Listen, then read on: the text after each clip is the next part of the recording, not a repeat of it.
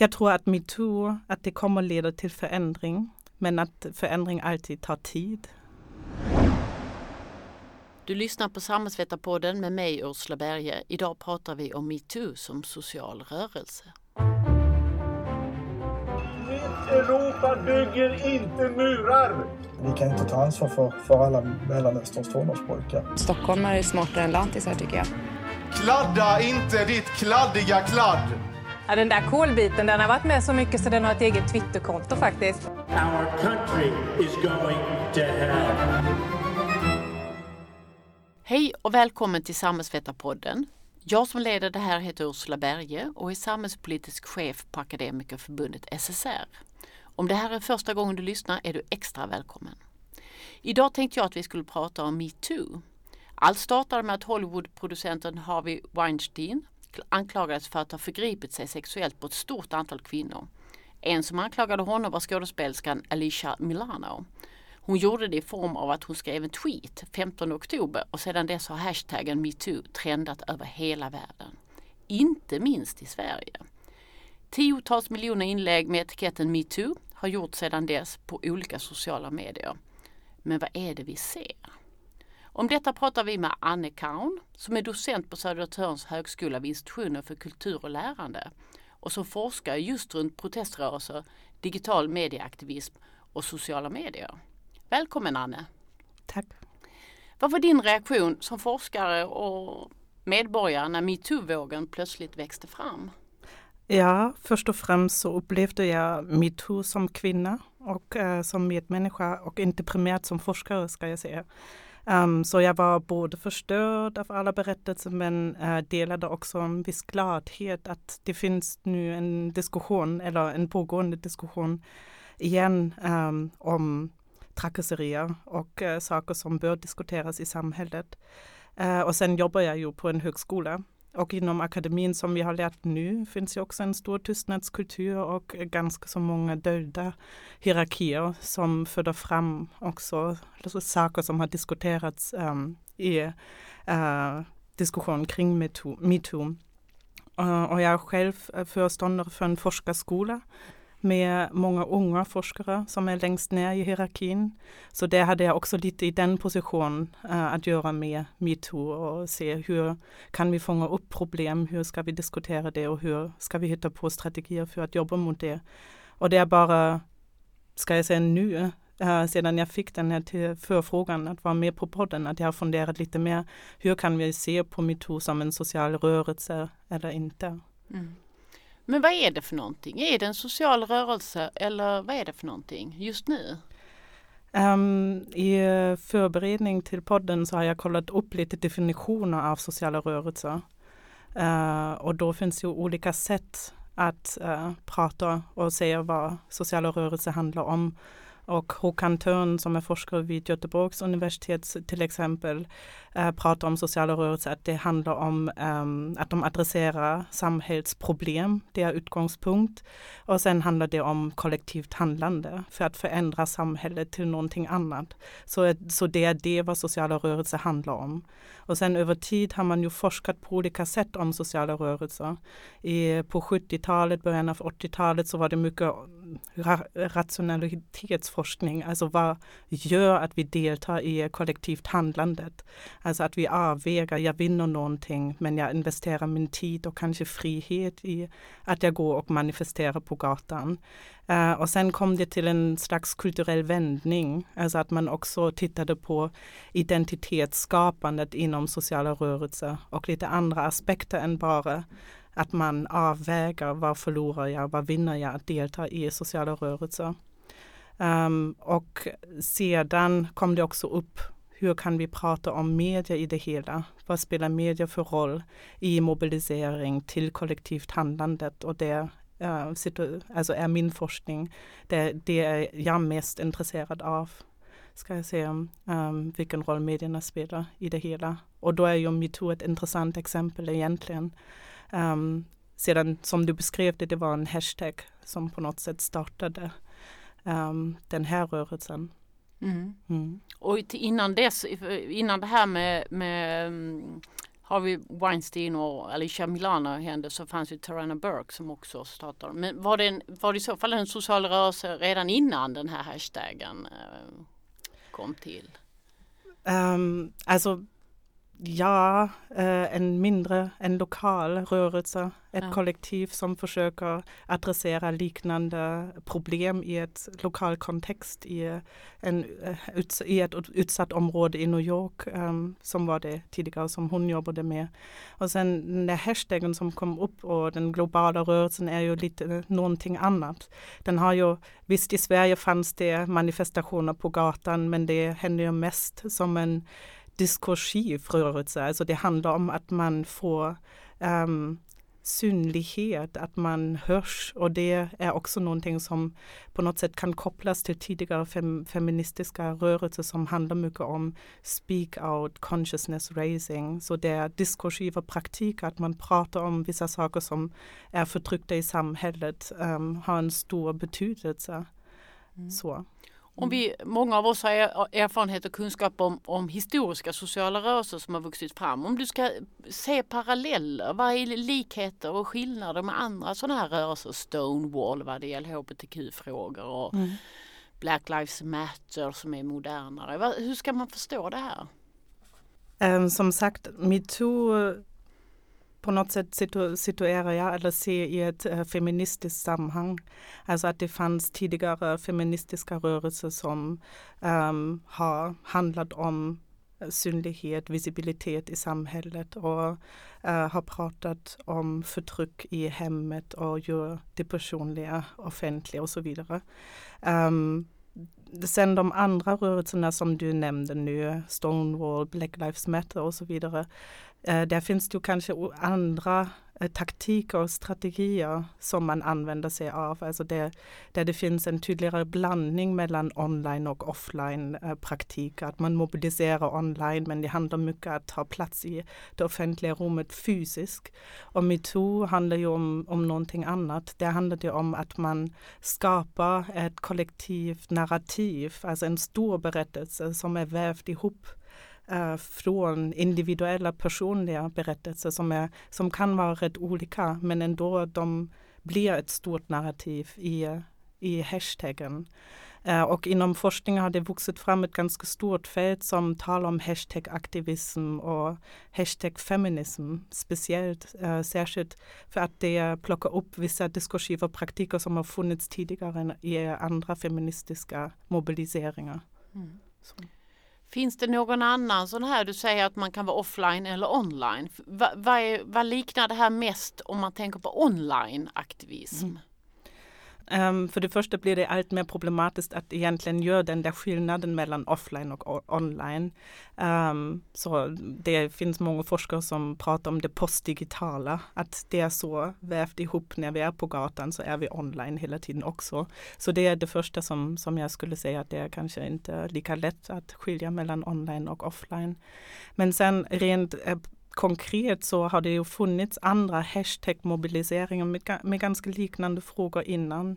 Alltså till exempel Why I State i USA eh, eller Der Aufschrei i Tyskland eh, några år sedan som adresserade ganska liknande frågor som metoo och som blev lika stor i USA och i Tyskland som metoo har blivit här i Sverige just nu.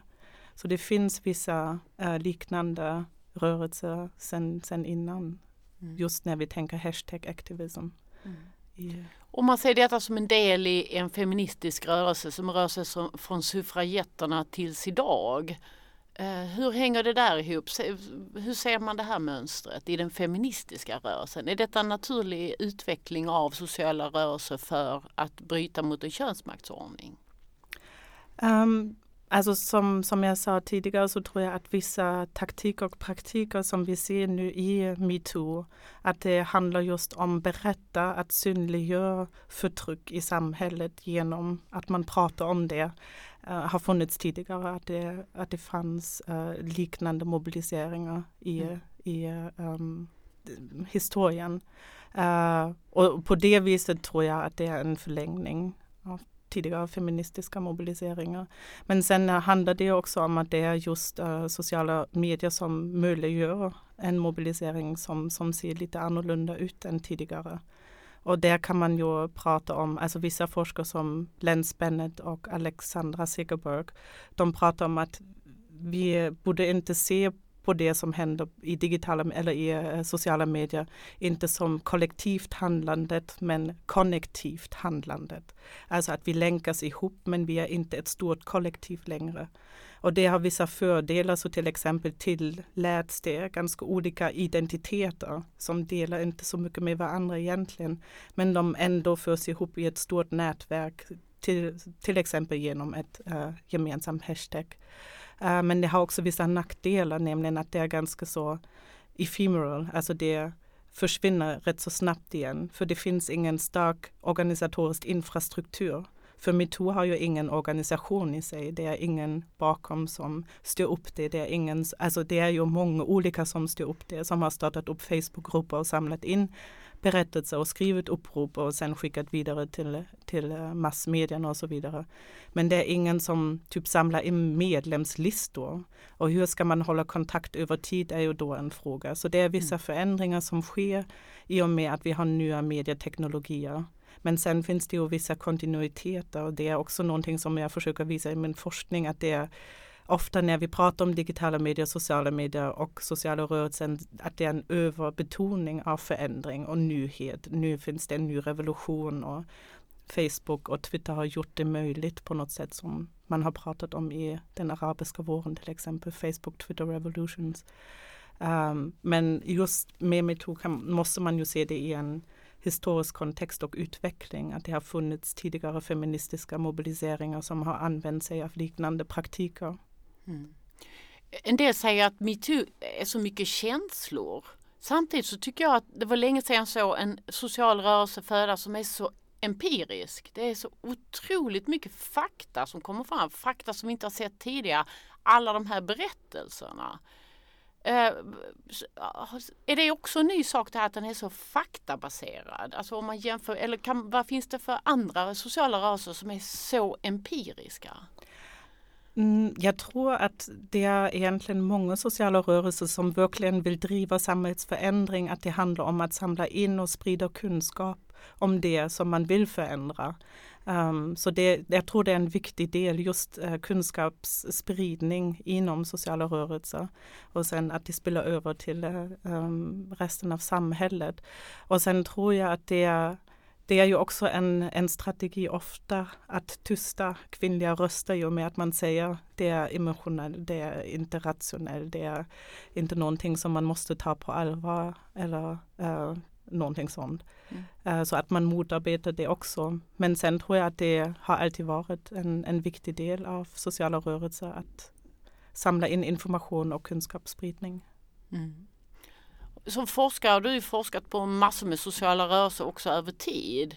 Om du ska studera metoo här och nu och säga någonting om dess karaktär och vilka prognoser det här säger för framtiden. Vad, vad har den för överlevnadschans? Vilka avtryck kan den här rörelsen göra på lång sikt? Jag förstår um, att det är en omöjlig fråga ja. egentligen, men ändå. Ja, och det är ju också någonting som ingen forskare egentligen vill göra. ge, ge någon prognos, hur kommer det se ut i framtiden?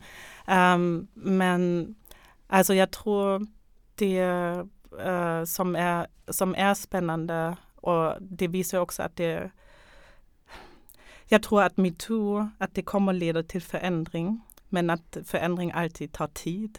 Och det är inte så tydligt att säga sen när, när saker börjar ske, var har det börjat? För alltså metoo blir ju bara möjligt i Sverige, särskilt där det har varit så framgångsrikt, för att det har funnits en slags op, um, opportunity structure, så det har funnits ett intresse, en diskurs redan innan och uh, människor som har varit aktiva i det här området och intresserat och sen har plockat upp det och mobiliserat kring det. Um, och jag tror att det samhällsförändring alltid också kräver konflikt. Alltså det kommer vara fortsatt fortsättningsvis problematiskt och uh, känsligt i samhället att diskutera de här frågorna som metoo har um, tagit upp och tar upp fortfarande. Um, men att det, att det är viktigt att driva den där kampen. Men det, det blir svårt att säga att det har börjat med en hashtag. Alltså man måste se det i en, i en kontext såklart. Och sen också hur, hur går det vidare senare blir då uh, viktigt att man ser okej, okay, nu är det politiker som, som tar, tar, diskussionen och även om det var bara 18 som var med när det diskuterades i riksdagen och bara tre av dem var män så är det ändå en, en uh, en for, fortsättning av en diskurs som har funnits och en förstärkning. Så det visar ju på att förhoppningsvis kommer det konkreta saker att hända. Jag tror inte att det är en lösning att bara titta på arbetsmiljö och rätta upp arbetsmiljöplaner. För det är också en sak som metoo har diskuterat mycket, att det är en, en, slags kultur som är utspridd. Det är inte bara arbetsplatser men det är massor med olika miljöer det, um, sådana problem uppstår.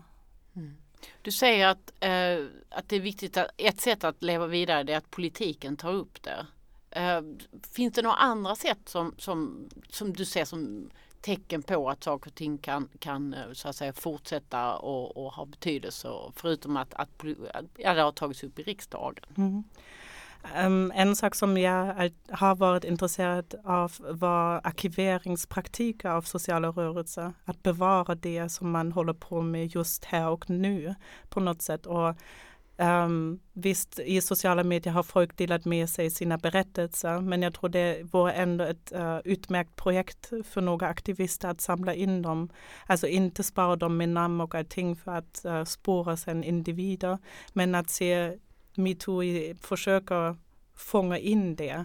Alltså um, allt som, som har delats. Alltså och skapa ett slags metoo-arkiv för att se hur ser den stora berättelsen ut. Alla de där individuella berättelser som knyts ihop i, i en sånt nätverk på något sätt. Och jag tror det, det skulle också vara en, en viktig del av att metoo kan fortsätta förändra. Alltså att man på något sätt bevara det och se i framtiden för framtidsmobilisering och hur var det när vi hade metoo och så vidare. Så jag hoppas att det uh, kommer fram att också de olika branscher och Facebookgrupper som har skapats nu på något sätt länkas ihop och det finns överlappningar av de som har varit aktiva i de grupperna men ändå att man försöker också tänka på det att på något sätt bevara det och inte bara låta det ligga i kommersiella plattformar som förändras hela tiden och man är inte helt säker på att det kommer finnas kvar. Mm. Så två uppmaningar här från dig då som forskare om man vill att det ska överleva. Det ena är att man dokumenterar olika upprop, dokumenterar sig själva och bevarar det. Också att man interagerar mellan de olika uppropen. Mm. Mm, spännande. Du, ehm, det har ju varit, det har inte bara varit digitalt utan eh, traditionella medier har också spelat in här. Hur fungerar det samspelet eller den dynamiken skulle du säga? Um, det är en aspekt som har också diskuterats ganska mycket i så rörelseforskning som uh, är intresserad av medierna och mobilisering och ehm, um, identif identifikationsfrågor inom sociala rörelser. Att, um, som jag har sagt, att det är att det har varit ganska en sån överbetoningen av alltså, sociala medier och hur viktigt de är. Men egentligen, alltså om vi också tänker på Occupy Wall Street, där var det ganska liknande. Först så var det inte så mycket som pratades om Occupy Wall Street men sen var det um, ganska, uh, var de flitiga på att använda sig av sociala medier Uh, och så kunde de mainstream-medierna inte titta bort längre och plocka upp det. Men det är en sån samspel mellan sociala medier och um, mainstream um, traditionella medier. Alltså, och då blir det också en förstärkning av um, sociala medier och pre eh, so den pres presens som sociala rörelser har i dem. Så det är ett sammanspel. Och sen är det, tror jag, uh, också ja, traditionella medier kan visa att de uh, är med i tiden och alltså så, hänger med på något sätt. Att de plockar upp det som, som sker i sociala medier. Men samtidigt är det eh, inget direkt hot så även om det har diskuterats alltså krisen av journalistiken, den traditionella journalistiken är det ändå ganska uh, tacksam källa till medierapportering. Och det är ju också så att man kunde fortsätta rapportera och spinna vidare.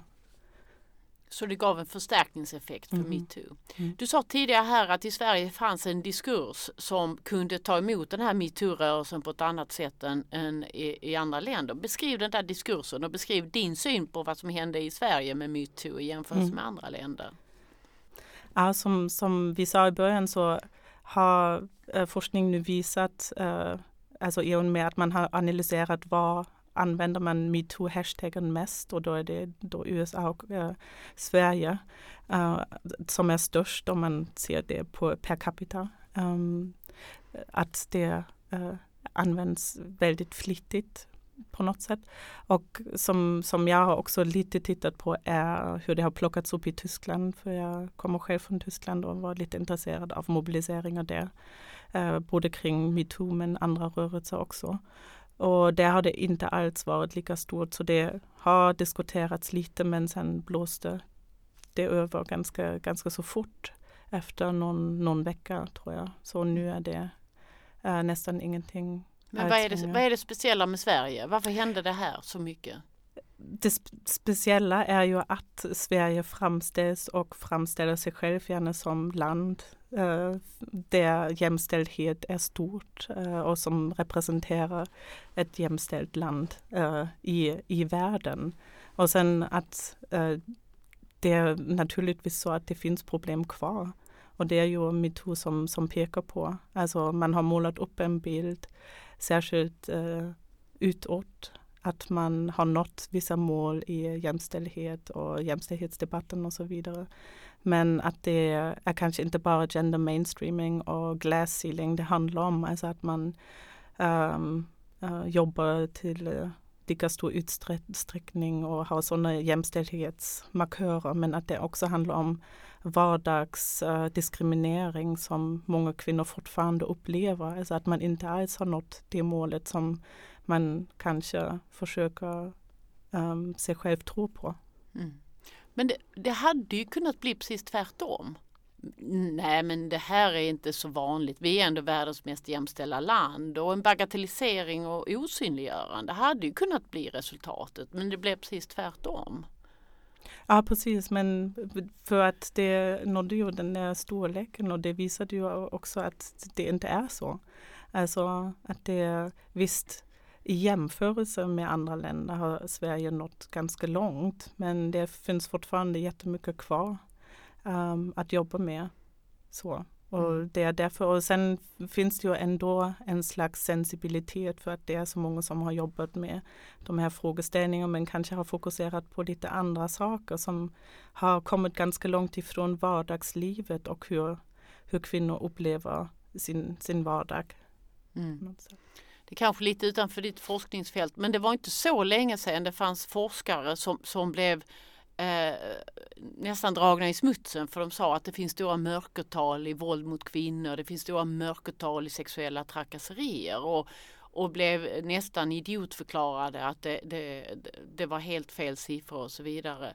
Och nu står vi någon helt annanstans och det, har, det är inte så många år sedan som, som bland annat då forskaren professorn Eva Lundgren fick, mm. stod precis där. Mm. Vad tänker du har hänt? Att det finns så mycket acceptans och förståelse för att detta är nog sant idag som, som var helt så, så orimligt att tänka sig för 15 år sedan. Mm. Men det är ju det det handlar om, att man um, omdefinierar också gränsdragningar i samhället. Vad är det som uppfattas som är okej okay och um, som är inte okej? Okay? Och det, det är därför sådana diskursiva praktiker är så viktiga och har en sån stor politisk potential.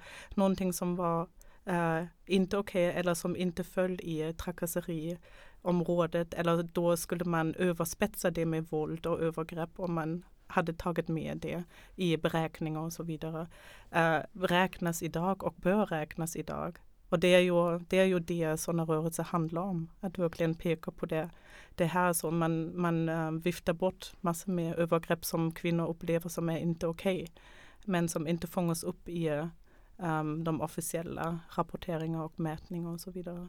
Mm. Mm. Nu är du ju inte jurist men det är ju lite intressant också hur detta kan tänkas spilla över i domstolsväsendet och hur man dömer och det här ja, inte, inte nog med att väldigt många anmälningar aldrig går till åtal eller ens till, till vidareundersökning men, men att det är så många eh, eh, som inte döms av anmälda fall. Alltså, ja, du är inte jurist men, men man kan ju tänka sig att det kan förändra hela eh, liksom, rättspraxisen runt det här också. Ja, nej men som sagt, jag Du kan inte, eh, inte säga så mycket om just den frågan. Men Nej, det, det var intressant och spännande att följa. Ja, nu, nu är vi mycket inne på den här framtiden och så. Eh, men är metoo någon form av föraning om hur sociala rörelser föds i framtiden? Är det så här det kommer att födas? Kommer det att vara digitala rörelser eller, eller i framtiden och att det föds på det här sättet? Eller, Eh, och det kommer det bli vanligare och vanligare eller vad tror vi?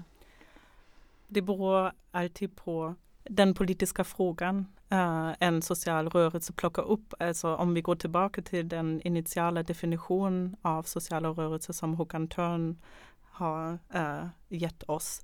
Att det är en samhällsproblem som sociala rörelser adresserar. Ähm, så är ju den som på något sätt styr vilken kanal och uttrycksform man väljer. Och just i och med att metoo är en feministisk rörelse och det handlar om förändring av diskurser och sen gränsdragningar i samhället som har konsekvenser för konkreta handlingar, alltså om man blir dömd för vissa handlingar eller inte. Eh, Så är det sociala medier som, som är rätt bra för just den rörelsen. Men sen finns det andra politiska mobiliseringar där um, andra frågor är viktiga och då är det kanske viktigare att man tar plats fysiskt i en stad, eh, i en stad och är present på det viset. Alltså om man tänker miljö, um, miljörörelsen som försöker ockupera och stoppa vissa tåg eller kolnedbrytning i Tyskland och så vidare. Då har man ju andra politiska mål som man försöker nå. Uh, de mobiliserar och använder sociala medier ju också, men på ett lite annat sätt. Så det beror alltid på vilket politiskt mål man vill nå och vilket politiskt problem man adresserar. Så det, det måste inte vara så att uh, det är diskursiva praktiker och sociala medier som är supercentralt för det här. Så det är, kommer alltid vara någon slags kombination. Mm. Jag tänkte på om man jämför med den här rörelsen som, för att gå vidare på det du eh, pratade om eh, precis, om, om att rörelsens form påverkar dess, dess, eh, alltså in, dess budskap påverkar dess innehåll. Så den ensamkommande barnrörelsen och, och Vi står inte ut och de här rörelserna, de var ju väldigt eh, bildmässiga, väldigt närvarande de fanns på Medborgarplatsen och Norra Bantorget. Där var det närvaron, den fysiska närvaron som var så central. Fastän den är precis lika ska jag säga, modern och i 2017 som metoo. Men den tog sig helt andra uttryck.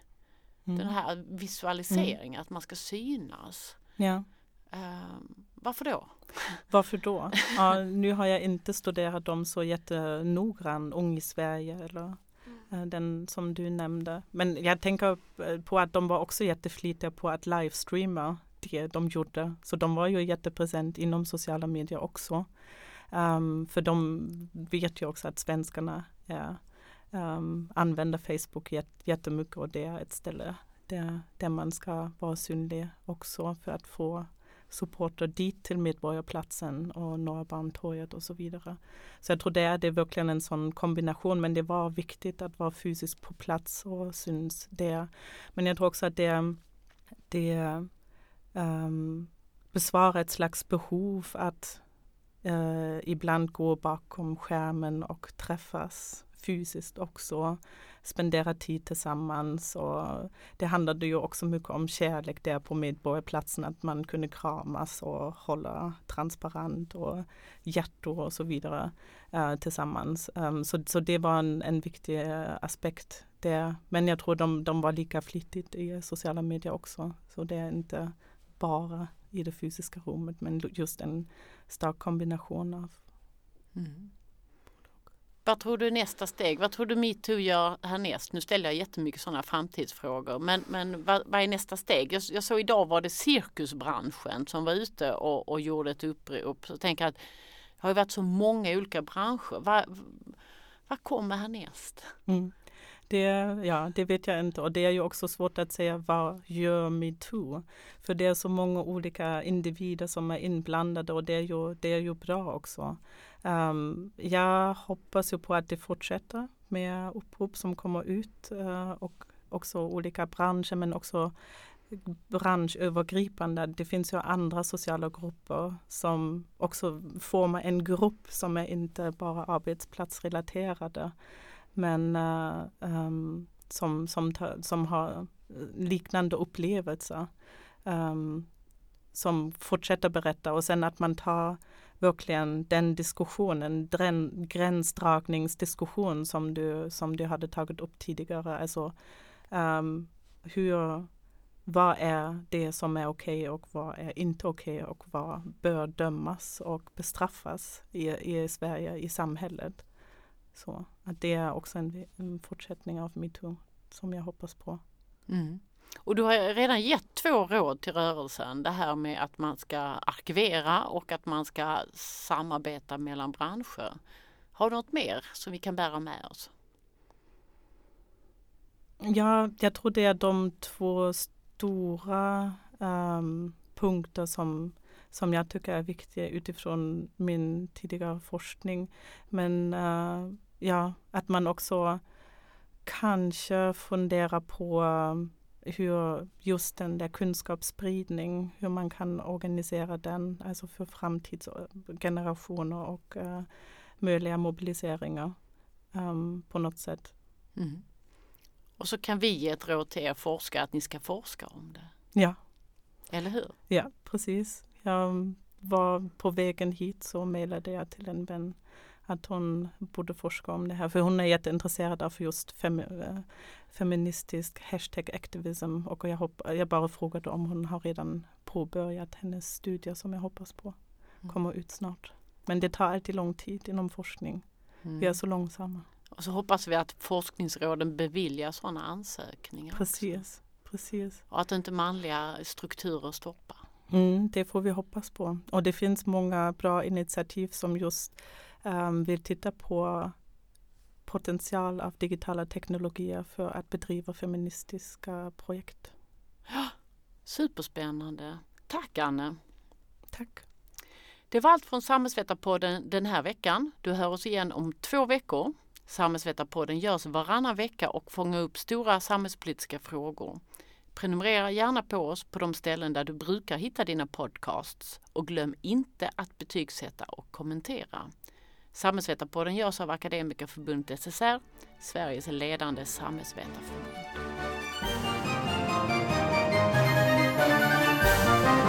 Musik.